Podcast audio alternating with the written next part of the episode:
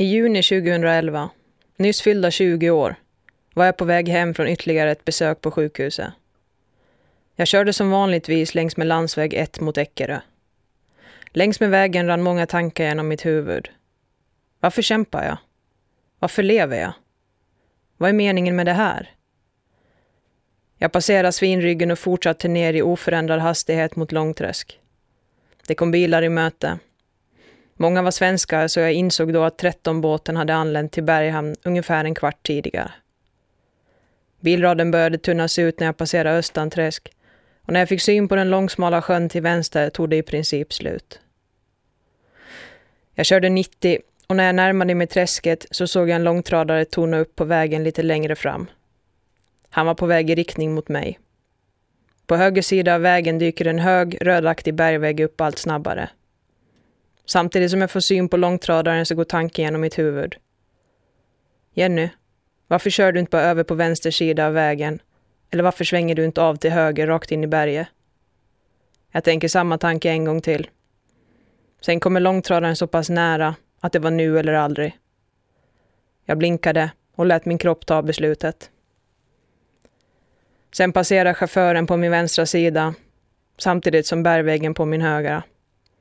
Kroppen och huvudet hade tillsammans valt vägen mittemellan. Det som kallas livet. Det var först nu jag förstod hur dåligt jag mådde och hur mycket hjälp jag faktiskt behövde. Men det skulle kräva en självmordstanke för att få mig att förstå. Det här är Ålands Radios sommarprat och du lyssnar idag, den 30 juli, till mig, Jenny Häggblom. De närmaste 90 minuterna ska du få följa med mig på en resa från en elitaktiv idrottare till ett vrak som sakta men säkert tagit små steg upp tillbaka på livets krångliga väg. Det här är delar av den hittills okända sanning som legat till grund för min korta karriär inom idrotten och livet som följde efter den. Välkommen med!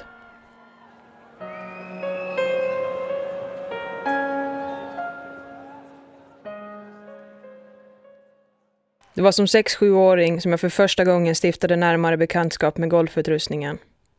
Då spelade vi lite hemma på gården och jag agerade caddy. Men jag var inte intresserad av att spela själv. Jag nöjde mig gott med att krama bagen som jag bar framför mig, men när jag följde efter min bror och far som vallade bollen kors och tvärs över gården. Först som nioåring tyckte mina föräldrar att jag var mogen nog att ta grönt kort. Så en snöig och iskall kväll i maj år 2000 tog jag mitt gröna kort på Eckerö Golfs övningsområde. Det dröjde inte särskilt länge innan jag fick hämta ut mitt vita kort som vittnade om att handikappet hade passerat 36. Sen stannade jag upp i min utveckling. Jag var nöjd. I några år harvade jag runt på banan i Eckerö helt utan mål. Men när jag fyllt 12 och börjat sjätte klass så fick jag en söndags eftermiddag syn på en golftävling på TV. Jag höll på med läxläsning i vanlig ordning och råkade gå förbi vardagsrummet där mamma och pappa satt för att titta på tävlingen. Just då klev en golfspelare ner i en brun bunke på tvn. Han bar en ljusblå piké och hade beige chinos. Sen svingade han klubban. Bollen lyfte och landade en halv meter från pinnen. Jag blev imponerad av slaget och sa i samma sekund som bollen stannade att det där ska jag också göra. Samma kväll satte jag mig på cykeln och trampade iväg den kilometer som behövdes för att komma till Eckerö Golf. Väl där började jag träna. Snabbt märkte jag framsteg och andra uppskattade mina framgångar. Det var det här jag skulle göra för att bli sedd och bekräftad.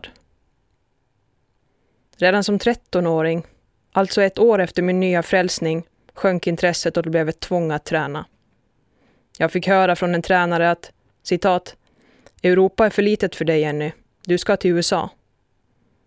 Och det här med förklaringen att jag skulle bli för bra för Europatouren i golf. Jag hade tydligen kvaliteter som skulle passa mycket bättre på den amerikanska proffstouren än den i Europa. Det här redan som 13-åring. Det var det ögonblicket som golfen gick från att vara en fritidssysselsättning till att bli ett måste och något av ett barnarbete. Golfen var inte längre rolig. För tio år sedan i augusti 2010 så reste jag iväg med två väskor och en golfbag till USA för att testa mina vingar i den amerikanska collegegolfen. Jag åkte iväg med stora förväntningar på mig. Jag kände pressen att jag måste åka. En press från andra, inte från mig själv. Visst hade jag press från mig själv, men den var betydligt mindre än den från andra. Den här resan var inte självvald. Den var påtvingad sedan många år tillbaka. Sedan jag var 13. Familjen, vänner och nära bekanta trodde alla att det var mitt val. Men i själva verket var det en annan persons dröm jag uppfyllde genom att båda det där planet som lyfte mot Atlanta den 18 augusti 2010. Varför jag gjorde det, kanske du tänker? Jo, för att få bekräftelse.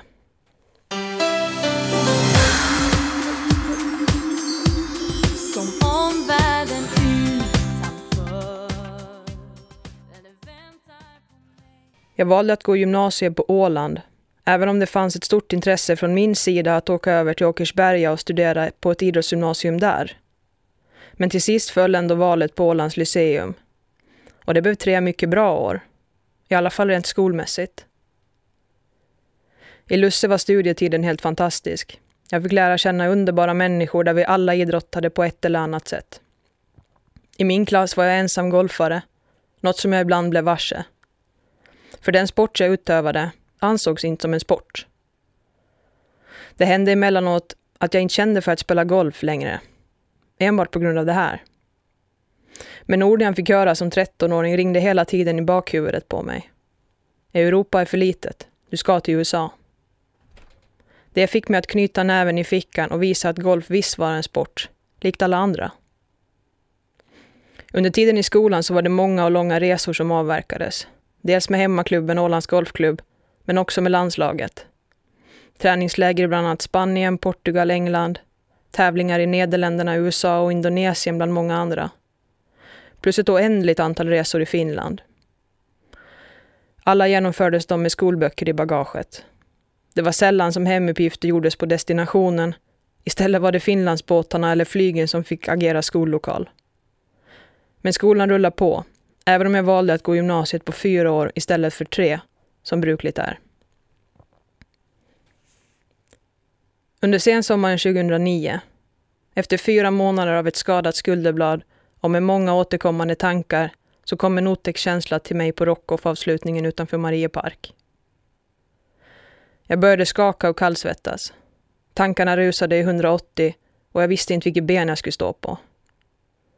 Jag kände att musiken tystnade, även om artisterna spelade för fullt uppe på scen. Vad händer? tänkte jag flera gånger. Efter en evighet, som antagligen inte var längre än 5-10 minuter, så bestämmer jag mig för att gå till min vinröda eskort och åka till Club Marin för att söka trygghet hos min bror. Han satt där med några kompisar och drack starkt. Kallsvettningen avtog när jag fick snacka lite med honom. Men efter bara en liten stund så bestämde jag att jag skulle åka hem och försöka sova lite. Väl hemma hade jag svårt att somna. Det kröp i hela kroppen. Dagen därpå var känslan tillbaka igen. Och det dröjde nog kanske en, en och en halv vecka innan jag vågade berätta för någon vad som hänt och hur jag mådde. Hemma hade jag dolt mina ångestattacker genom att isolera mig på mitt rum eller vistas utomhus.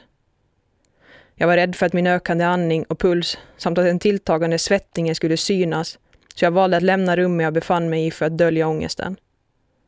Dessutom undvek jag tv, tidningar och annat folk eftersom det gav mig ökad ångest. En dag var jag på väg till golfbanan, som vanligt, och skulle svänga vänster i Jölbykorsningen för att komma dit. Men skakningarna och svettningarna på kroppen fick mig att svänga höger och köra in till Mariehamn och mamma istället. Hon var tillbaka på jobb efter sin semester, så jag bestämde mig för att besöka henne. Nu måste jag berätta hur det var, eftersom jag trodde jag skulle dö. Mamma ger mig alltid den tröst jag behöver när jag behöver den som bäst. Väl inne på mammas kontor, hon blev förvånad över att se mig, så bröt jag ihop i hennes knä. Tårarna rann och jag hittade inte orden. När gråten lagt sig något så berättade jag vad som hade hänt hur kroppen reagerat och varför jag vänt mig till henne. Då sa mamma, som mammor på bara mödras vis kan, att Jenny, du har panikångest.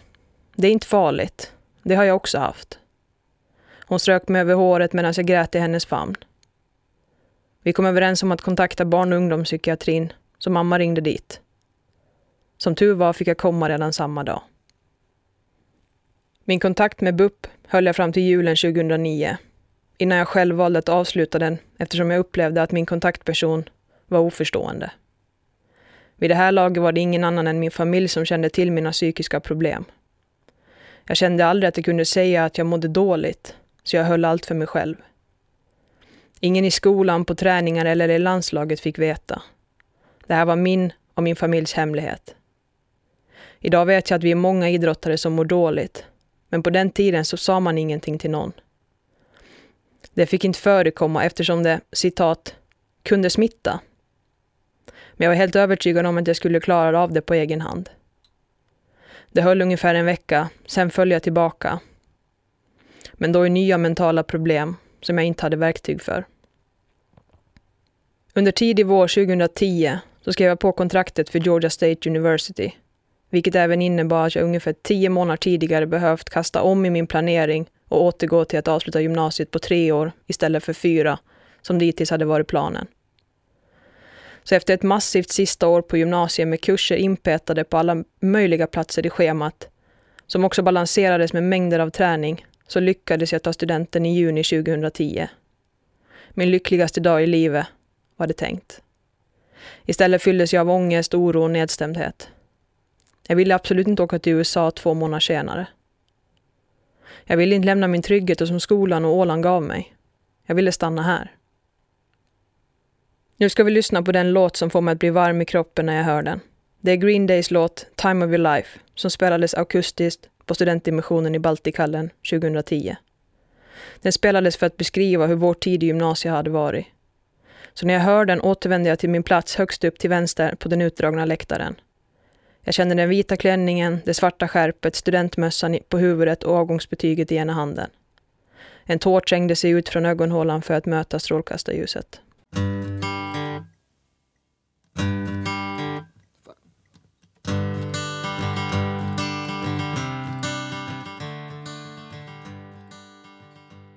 Säsongen 2009 började redan i mars med ett två veckors kombinerat tränings och tävlingsläger i Spanien tillsammans med landslaget.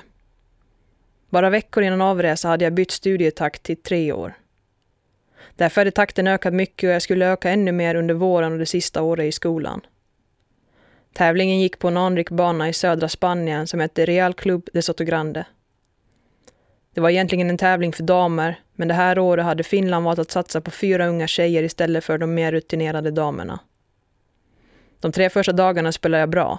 Resultaten skrevs till 75, 75, 75. Men det var efter rundan på dag tre som det kom att hända en väldigt oväntad grej som skulle påverka mig. Inte bara för stunden, utan för all framtid.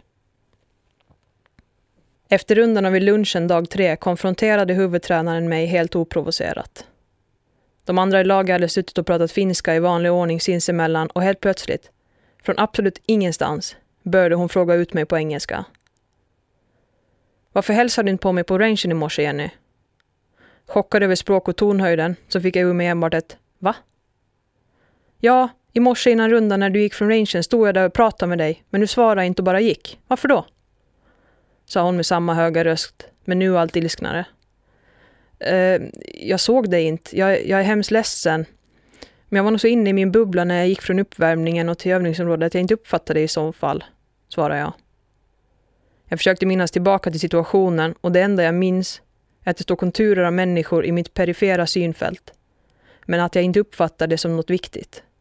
Jag är så inne i min egen bubbla när jag väl börjat värma upp att det är svårt att komma in i den. Även för mina närmaste.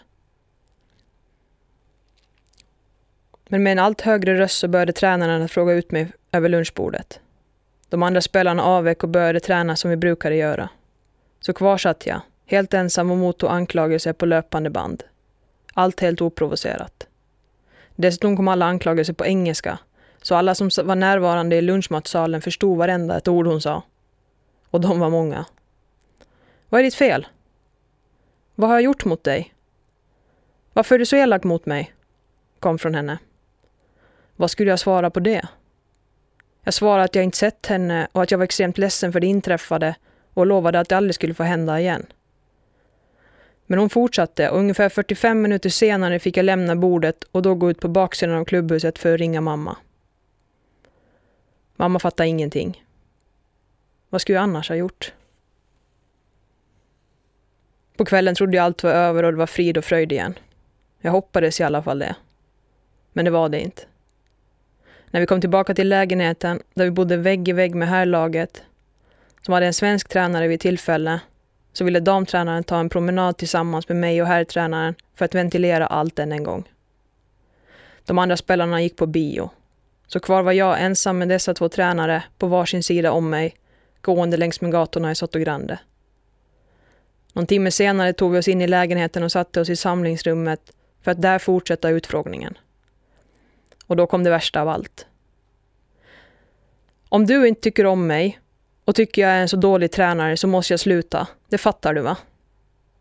Jag hade aldrig nämnt att hon var en dålig eller att jag inte tyckte om henne. Så var hon fick de orden ifrån vet jag inte. Jag sa precis det, men samma fråga kom igen och igen. Herrtränaren visste ingenting om någonting, så varför han var med vet jag faktiskt inte. Efter ytterligare en timme inomhus fick jag sent om sidor gå och lägga mig. Då hade de andra spelarna redan återvänt till lägenheten och gått och lagt sig. Ni kan ju tänka er hur jag mådde under den natten. Och ni kan ju själva räkna ut hur jag spelade den fjärde och sista dagen på tävlingen. Jag landade på 82 slag och fick snabbt veta att jag var sämst. Efter tävlingen begav vi oss västerut för ett veckolångt träningsläger. Något jag var mindre intresserad av efter det som hänt under tävlingen. Väl på plats vid lägret så började veckan med tre timmar egen träning. Jag tänkte att jag skulle försöka förbättra mina halvlånga bunkerslag så jag knatade ner i bunkern som låg i närheten av klubbhuset och gjorde mig redo. Jag hade värmt upp bra och kände mig förberedd för några timmars träning på egen hand. Det skulle bli skönt med tanke på det som hänt under tävlingen. Det tog inte många slag innan klubban bara fastnade i sanden under bollen. Det här samtidigt som kroppen fortsatte att rotera i svingriktningen och det drog till mellan skulderbladen på ryggen. Jag minns att jag tänkte, oj då, det där var inte bra. Men jag fortsatte att träna i nästan tre timmar till innan vi fick lunchpaus. Efter lunch skulle vi spela och jag gick ut med de andra, även om man hade påpekat en smärta från skulderbladsområdet. Landslagsledningen, som ju inte var bästa vänner med mig sedan tävlingen, sa bara att jag skulle sluta larva mig och fortsätta träna. Så lydig och godtrogen som jag är så gick jag tillbaka ut. På kvällen stelnade jag till i ryggen och morgonen därpå kunde jag knappt röra armen. Men tränarna tyckte fortsatt att jag skulle träna så jag körde vidare. Det var först dag två efter skadan som jag hoppade över förmiddagens träning. Då var det den första april och blev inte riktigt betrodd angående min smärta. När jag kom hem från Spanien var det 36 hektiska timmar innan färjan skulle avgå för läger i England med hemmaklubben. På den korta tiden hann jag skriva ett prov i skolan samt skriva teorin och köra upp för körkortet. Sen var det nästa resa. Jag klarade alla tre prövningar.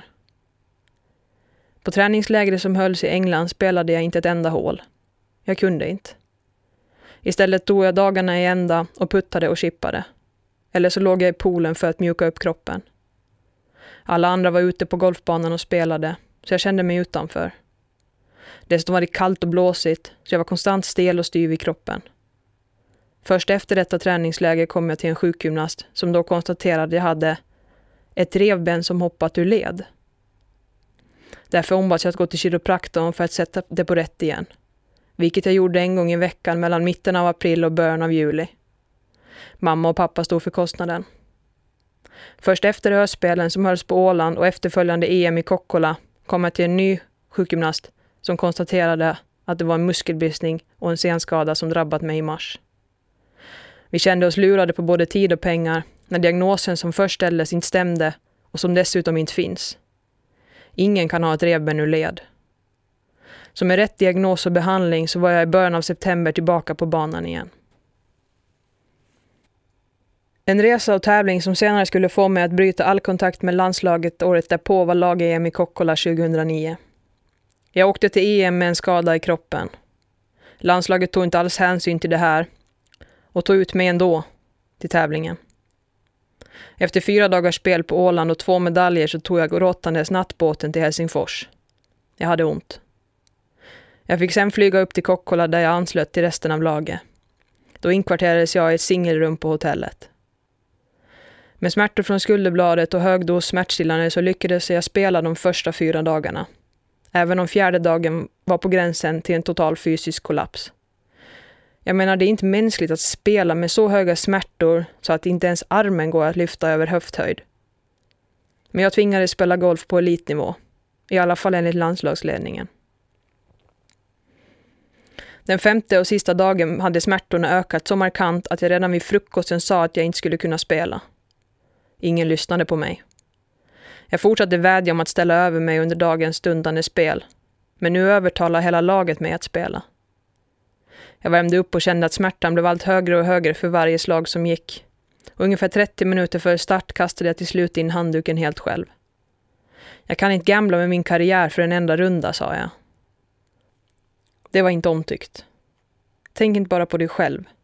Det här är en lagtävling, var responsen. Huvudtränaren och alla spelare pratade inte med mig under dagen. Och när jag gick med och stöttade mina lagkamrater under rundan så gick tränaren på andra sidan av banan. Hon ville absolut inte ha med mig att göra. Dagen därpå skulle vi åka tillbaka till Helsingfors med tåg. Jag skulle hoppa av halvvägs för att ta ett anslutande tåg till Åbo och färjan hem. I tåget hade ledningen placerat mig i en helt annan vagn än övriga spelare. Och när jag gick till dem för att tacka och säga hej då för veckan så var det ingen av dem som svarade. Det var ingen som ens tittade åt mitt håll. Jag drog ut resväskan och golfbagen ur tåget utan någon som helst funktion i ena armen och ställde mig på perrongen för att vinka till dem. Ingen vinkade tillbaka. Jag sökte upp det anslutande tåget, packade in mina saker och satte mig till rätta på sätet. Då kom tårarna. I april-maj 2010 tog jag beslutet att hoppa av landslagsverksamheten helt och hållet. Ett beslut jag inte ångrade, varken då eller nu i efterhand. Som jag blev behandlad under åren i landslaget med utfrysning, mobbning och kränkningar så klarar jag inte mera. Nu tio år senare så ser jag tillbaka på en period i mitt liv som gav mig många erfarenheter och lärdomar, men också många sår som aldrig någonsin kommer att läka.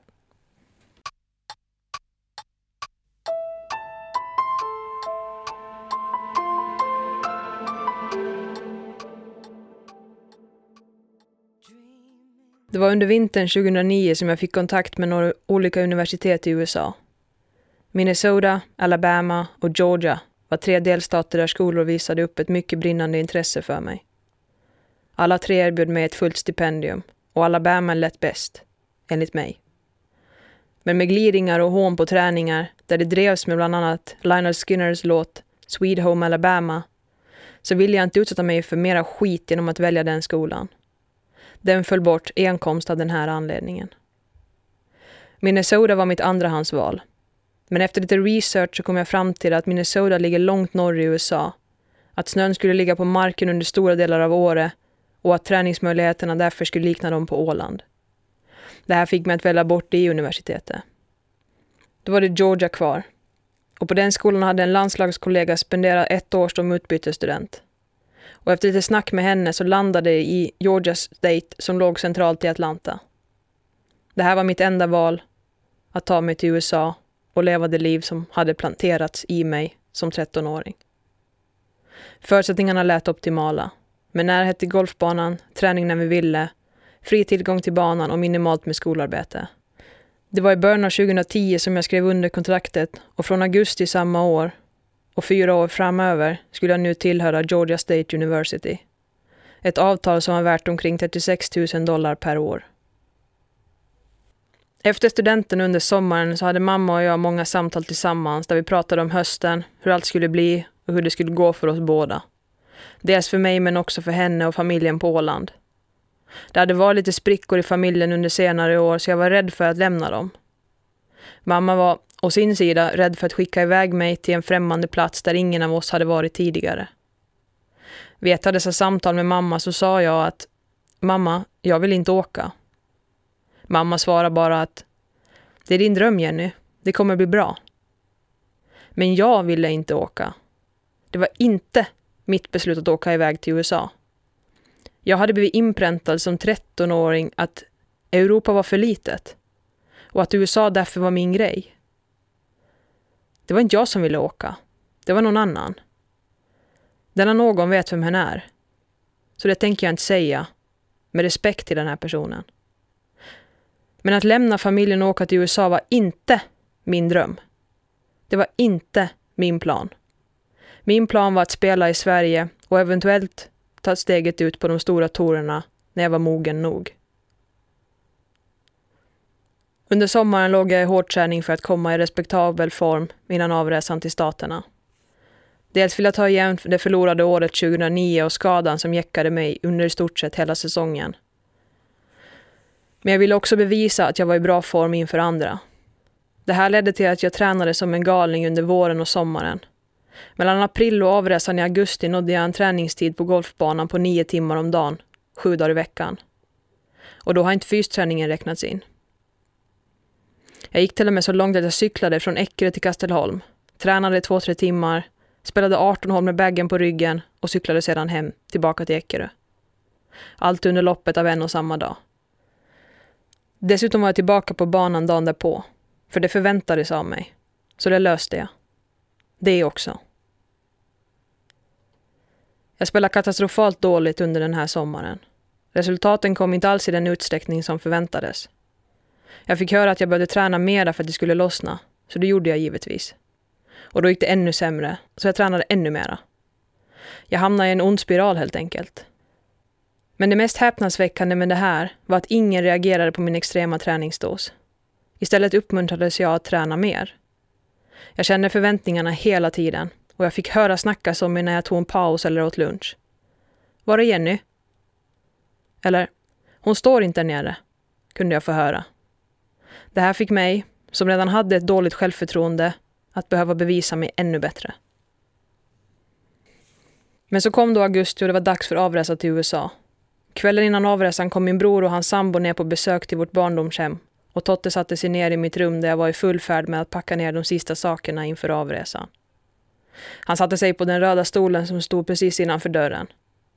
Jag kände en tryckt stämning i rummet. Jag kände att han ville att jag inte skulle åka.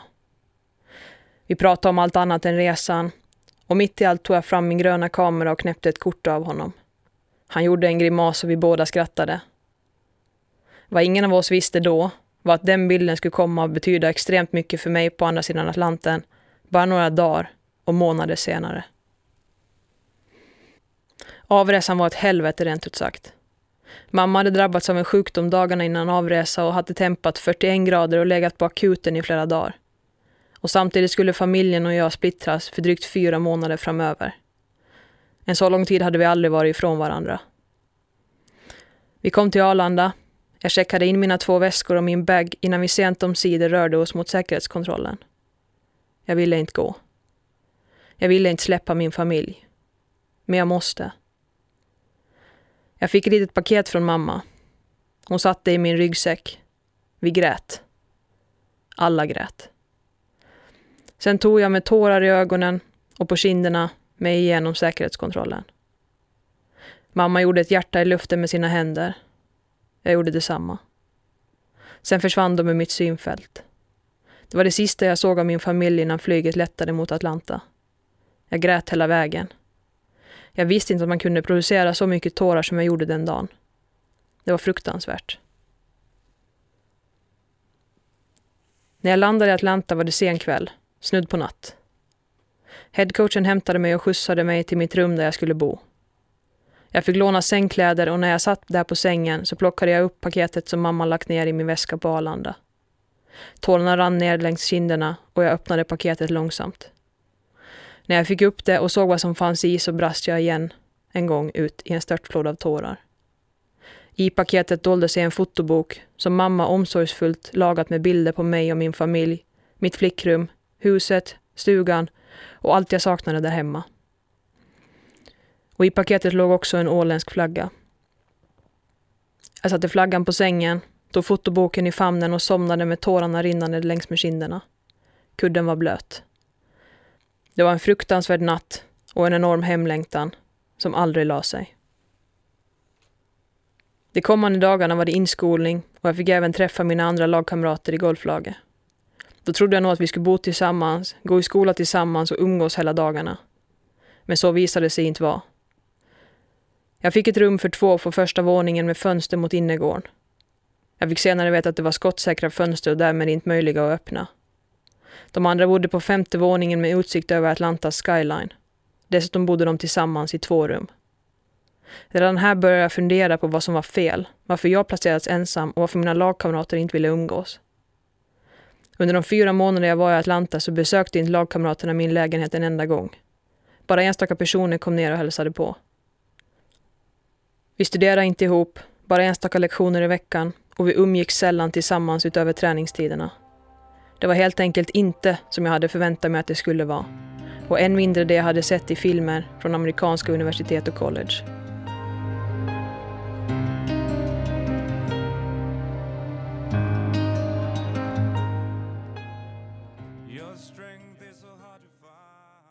I mitten av november 2010 så fyllde en i college-laget år och bestämde att hon ville gå ut och äta.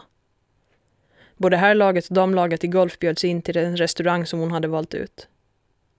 Efter middagen skulle en fest ta vid, men eftersom jag hade blivit absolutist så valde jag att gå hem och sova. Men innan jag lämnade sällskapet så lastades en GSU-väska full med öl och starkare drycker. Ovanpå detta i väskan lades skolans kläder med loggan på. Sen rullades väskan mot lägenhetskomplexet där vakter satt dygnet runt. Väskan öppnades och vakterna som bara såg kläder släppte in den utan någon närmare kontroll längre ner. Till saken hör att vi redan innan ankomst till college hade skrivit under att alkohol, i kombination med skolans logotyp eller namn, var strikt förbjudet och skulle ge repressalier om det bröts. Med på denna förbudslista var i runda slängar 20 punkter till som skulle följas. Nåväl. När väskan väl kommit in och vi ställt oss i hissen för att ta dem till plan 5, där de bodde, så avvek jag på mitt våningsplan. Väl hemma satt jag mig och skrev min dagbok. En öppen blogg där följare kunde läsa om min vardag i USA och som collegestudent. Jag skrev om kvällen, om alkoholen och väskan och att allt smugglas in i huset. Jag nämnde aldrig någon vid namn eller på annat sätt identifierande. Jag skrev också att det var ett regelbrott.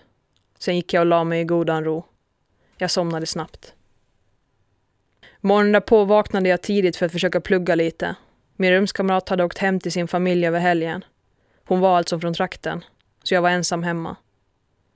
Då plingade till i min telefon och i meddelandet som kom stod det bara Vi måste prata, jag kommer ner nu.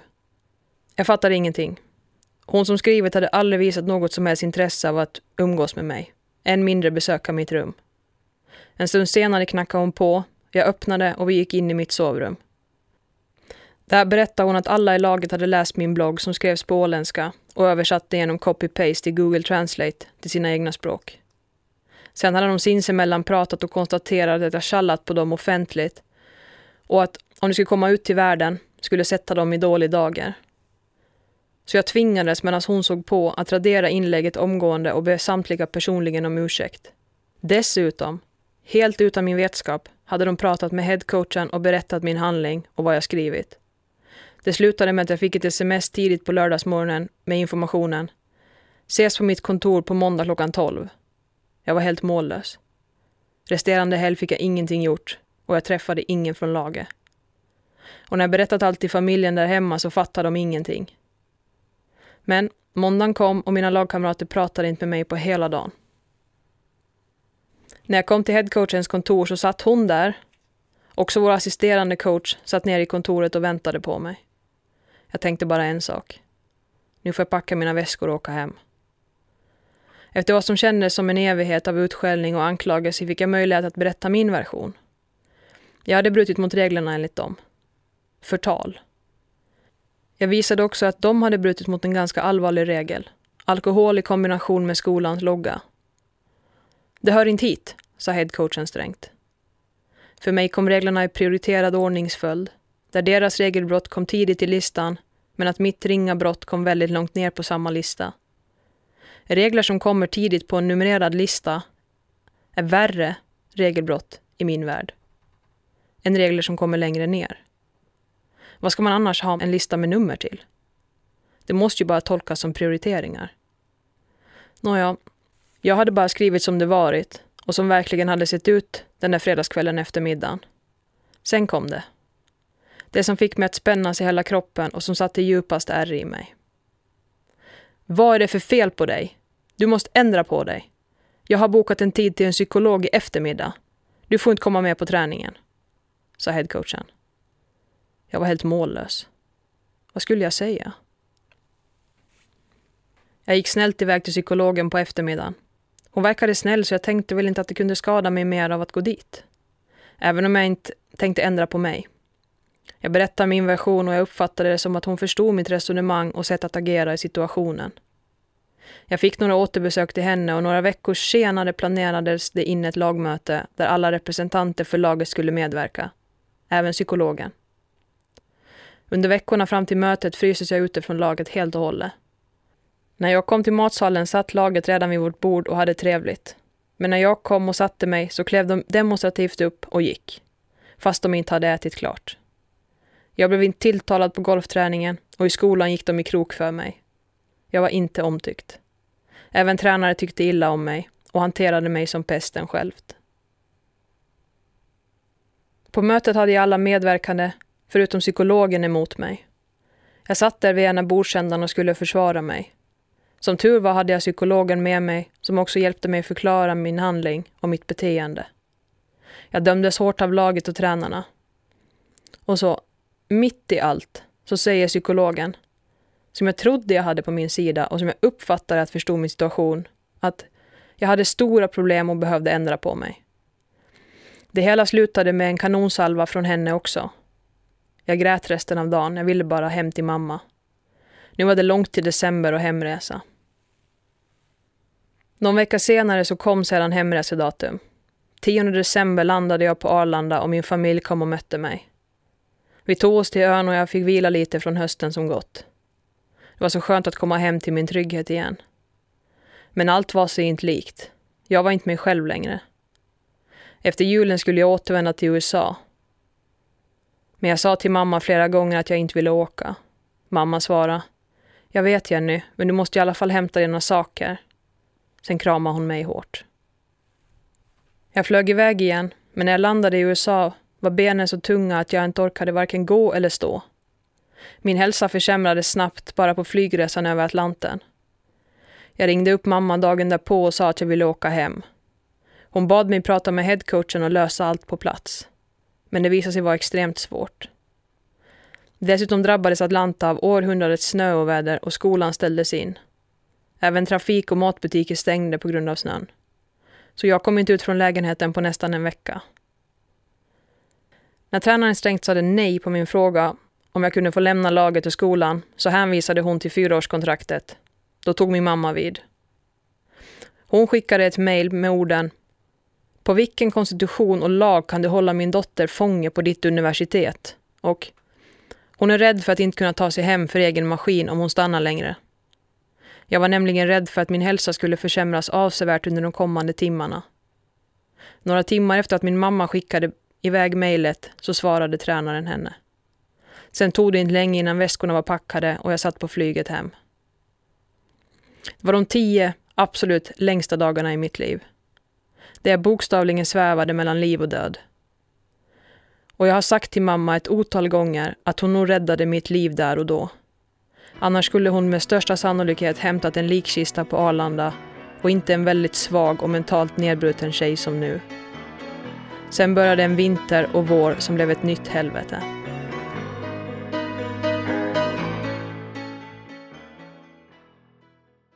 Du lyssnar på Sommarprat i Ålands Radio. Och om rösten känns lite bekant så kan det vara för att det är den före detta golfspelaren Jenny Häggblom som pratar. Jag landade i Sverige den 18 januari 2011 och våren som nalkades skulle bli en av de värsta i mitt liv. När jag landat på ön igen så kände jag ett enormt nederlag över att behöva kasta in handduken i USA och jag kände att jag gjorde alla besvikna. Själv var jag inte så besviken. Jag visste ju vad som hade hänt där. Men alla runt omkring mig tyckte nog att jag överdrev. Dess Det vittnade sedermera de försvunna vännerna också om. Kompisar från både golfen och skolan försvann och kvar stod jag helt själv. Med mig hade jag mamma och det var tur det, för utan henne skulle jag faktiskt inte ha klarat det. Mamma kom att spela en allt viktigare roll under vintern, våren och sommaren 2011. Vi hade inte stått varandra så nära fram till dess att jag reste iväg under hösten. Men under vistelsen i USA så var det som att vi bara klickade. Även om hon propsade på att jag skulle stanna fast jag ville komma hem, så var det ändå någon form av förståelse som hon fick den där hösten. Den förståelsen spelade stor roll under våren.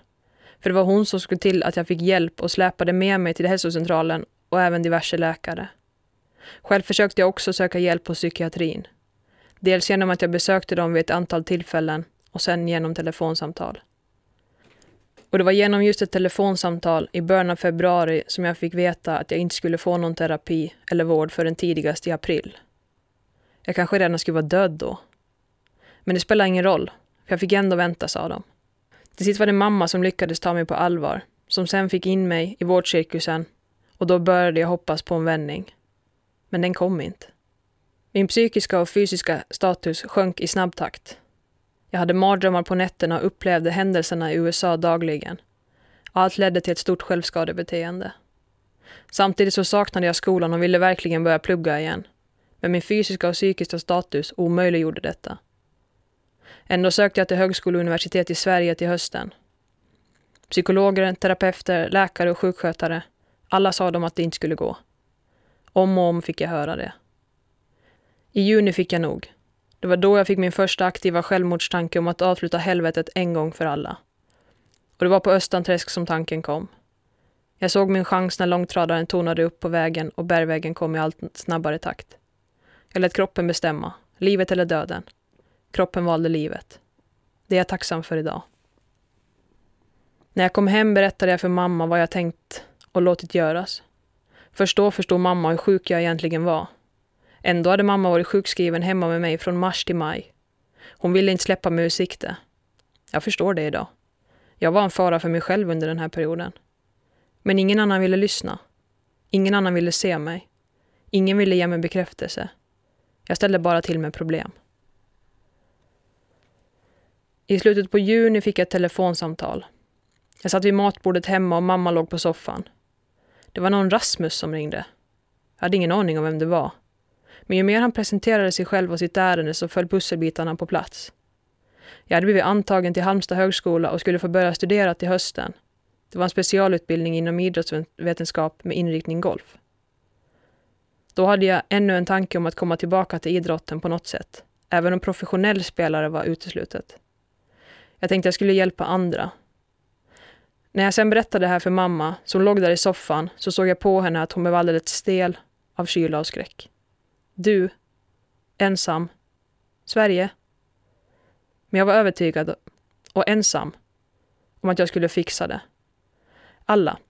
Vård, släkt, vänner, familj. Alla trodde att det innebar slutet för mig.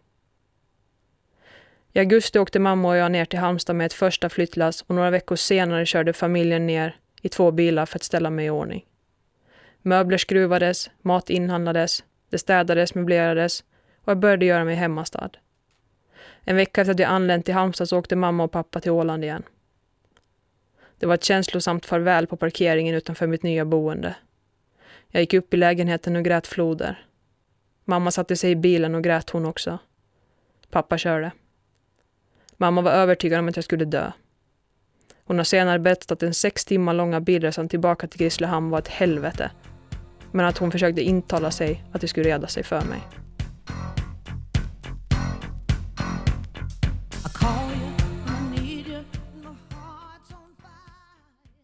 Dagarna i Halmstad löpte på och det visade sig sakta men säkert att jag hade valt rätt. Att flytta hemifrån i det skick jag var, var ett bra val för mig. Här kunde jag leva mitt liv utan att behöva foga mig till någon annan och utan att ständigt vara kontrollerad. Jag mådde för en gångs skull helt okej. Okay. Att sen skolan bidrog till mitt välmående var tacksamt. Jag hade inte några vänner, men jag skaffade mig några bekanta. Efter något år tog jag min första examen, året därpå min andra och ytterligare ett år senare en tredje. Inom loppet av bara fem år från mina självmordstankar så stod jag där med en masterexamen i idrottsfysiologi. Men det var ännu inte gott nog. Vad ska du göra nu då? Och när ska du börja forska? var frågor jag fick med jämna mellanrum. Inte nog med att jag lyckades ta en masterexamen, nu förväntades jag doktorera och forska också. Jag fick panik. Den 19 december 2016 så drabbades jag igen av panikångest. Några veckor innan julen 2016 så ringer min bror och berättar att jag ska bli faster till sommaren. Jag blir glad för han och hans sambos skull och glädjer mig åt det under några dagar. Jag ser så mycket fram emot att bli faster och få ta del av en ny liten medborgares liv och knasiga upptåg, så det skänker mig lugn i några veckor. Jag arbetade som personlig tränare och hade ingen skola att gå till. Och så. Den 19 december 2016 rasar världen ihop som ett korthus igen. Panikångesten var tillbaka. Men vetskapen om att jag skulle bli faster fick mig att ta mig igenom den. Efter gymmet på morgonen den 19 så la jag mig i sängen och bara skakade. Panikångest. Exakt samma som 2009 utanför Rockoff, men nu värre än någonsin. I tre timmar bara skakade jag. Ungefär som den värsta blodsockerfall. Svetten rann, urinavgångarna var täta och jag svettades och frös om vartannat. En vecka senare, den 26 december 2016, söker jag akutpsykiatrin i Halmstad. Mamma var hos mig för att fira jul så hon följde med upp till psykakuten. Psykiatern som vi träffade på annandag jul fick höra min historia i mycket korta drag och tyckte inte bara att det var panikångest jag led av, utan trodde att det kunde finnas något annat där bakom som var roten till allt ont som jag utstått genom åren. Jag hade ju problem med omställningen från skola till en arbetsvardag utan skola. Dessutom är rutiner extremt viktiga och mitt liv gick, och går, i mångt och mycket på klocka man skulle nästan kunna kalla mig för en lite nyare version av Skalman. Så psykiatern skrev upp mig på en kö till en utredning. Jag visste inte vad det var då, men jag fick snart veta att det handlade om en neuropsykiatrisk utredning. Men hon varnade mig för att kön var lång och att det nog kunde ta 8 till 10 månader innan jag skulle få utredningen gjord. Jag kunde inte vänta. Jag mådde dåligt hela våren och skulle lätt kunnat avsluta mitt liv där och då. Men jag gjorde inte Anledningen? Jag ville verkligen uppleva mitt brorsbarn och jag ville verkligen bli faster. Så jag höll ut. Även om det stundtals var tufft. Det var faktiskt så tufft att viljan att bli faster kom i skymundan för dödslängtan. Så i ren desperation för att överleva så bestämde jag mig för att försöka skynda på kösystemet lite grann. Med mycket problem och många samtal till psykiatrin i Halmstad, som hatar mig, så fick jag via vårdgarantisystemet till en utredning i juli 2017. Efter utredningen var jag lugn. Nu visste jag att det skulle komma hjälp ganska snart. Så jag vilade i hoppet om att få hjälp med mina problem. Men hjälpen kom inte från psykiatrin. Den kom från min bror. Bara några dagar efter utredningen så kom min brorson och jag blev faster för första gången. Jag är så stolt över min bror och hans sambo och nu också den lilla familjen. I augusti en månad efter utredningen fick jag veta att jag hade Aspergers syndrom. Då var utredningen sammanställd och det var tydligt enligt utredarna. Jag visste inte riktigt vad det var för något, men mamma sa där och då att pusselbitarna bara föll på plats för henne när hon fick höra diagnosen. Det är därför det varit så jobbigt med dig i tonåren. Att du varit så envis och monoton. Och att du alltid varit en ensamvarg. Mamma fattade direkt. Men för mig måste jag låta det sjunka in. Och så småningom började jag också förstå. Som 26-åring fick jag veta att jag hade Aspergers syndrom. En medfödd psykisk funktionsvariation som gör att personer med den diagnosen har svårigheter att passa in, vara spontana och som stör sig på ovidkommande petitesser. Det här förklarade en hel del för mig och först nu började jag förstå varför jag haft det så tufft genom åren. Utanförskapet i landslag och college, eller i klubben för den delen. Var det därför jag måste ändra på mig hela tiden? För att jag inte passade in? Svårigheter med att förstå ord, ordspråk och underliggande budskap. Svårigheter med att kallprata. Det jag har lärt mig av erfarenhet, det är ingenting jag kan. Jag tittar på andra, sen gör jag likadant. Det var också nu jag började fundera på om det var av den här anledningen som jag gick på specialundervisning i lågstadiet och satt hos läraren med specialkunskap om särbegåvning i gymnasiet. Men varför hade ingen sagt något? Varken till mig eller mina föräldrar. Den här diagnosen skulle jag väl ha haft som sexåring, inte 26-åring. Det skulle ha gjort mitt liv så mycket lättare. Men vis av erfarenhet så är det inte fallet. Och det jag varit med om stärker mig som människa, med eller utan en funktionsvariation. Hej på dig faster. Det var helt fantastiskt att få samtalet från min bror som berättade att mitt första brorsbarn hade kommit till världen. Jag bröt ihop i en hög av tårar. Jag hade klarat det. En stoltare faste kunde inte hittas den kvällen som samtalet kom. Idag är den lille killen tre år gammal och har för en månad sedan blivit stolt storebror till en liten syster. Nu är jag faster i kvadrat och nu har jag dubbla anledningar att fortsätta välja livet. Dessa två små barn skänker mig så mycket kärlek och kraft till att fortsätta kämpa och jobba för en meningsfull tillvaro. Det är de som är min motivation till rehab, till att kliva upp på morgonen när det känns som sämst, men framför allt min motivation till livet. Dessutom är min bror och jag kommit varandra så mycket närmare efter några år på glid. Han betyder allt för mig. Verkligen allt.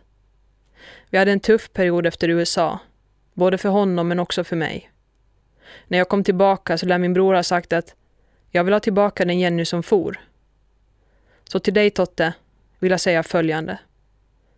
Jag älskar dig och din familj. Ni betyder allt för mig. Utan er skulle inte jag leva idag.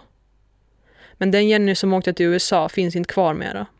Den syster du har nu är en mycket bättre, ödmjukare och förstående syster än den som åkte 2010. Och det tror jag vi är många som uppskattar. Inte minst dina barn och din familj. Jag älskar dig och den här låten är tillägnad dig.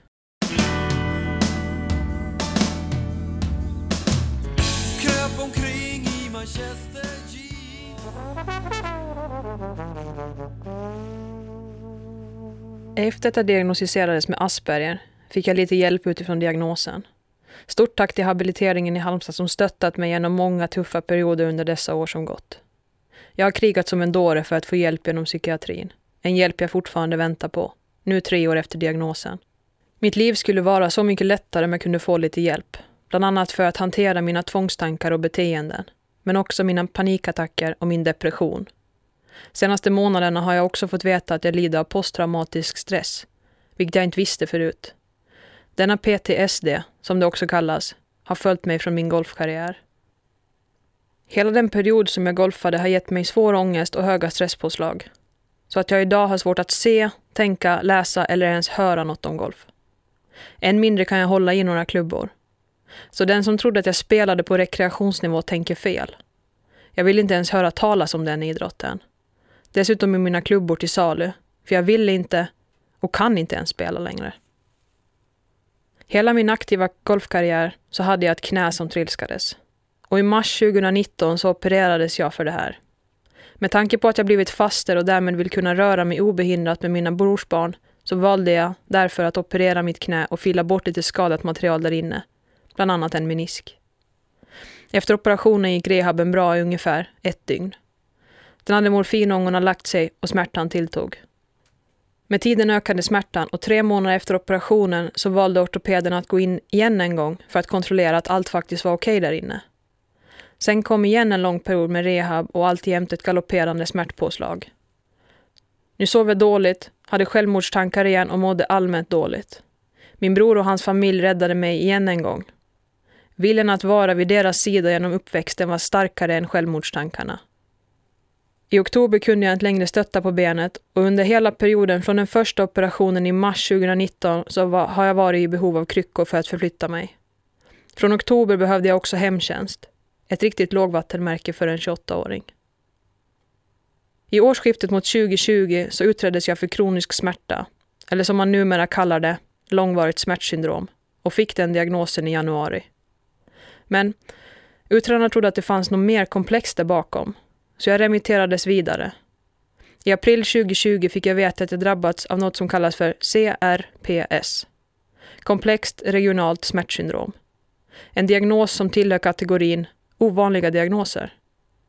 Den innebär att jag har konstanta smärtor från mitt högra knä, där en prognos för återhämtningen inte kan ställas. Kanske blir jag bättre, kanske inte. Vissa blir sämre. Ingen vet utgången. Typiskt att jag skulle få den också. Så från april 2020 har jag alltså Asperger, PTSD, OCD, depression, panikångest och nu också CRPS. Jag är alltså både fysiskt och psykiskt funktionshindrad. Detta är något som skulle kunna ta livet av vem som helst och det skulle hänt med mig också. Men jag har tapetserat min lägenhet hemma i Halmstad med bilder på mina brorsbarn och det får mig att fortsätta kämpa. Att kriga. Att inte ge upp. Jag ska kämpa, om så, till sista droppen.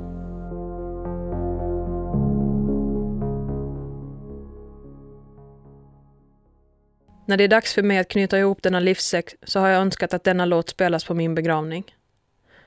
Den senaste dryga timmen har du lyssnat till mig, Jenny Häggblom, en före detta elitaktiv idrottare som idag lever ett helt annat liv än det det gavs sken för då.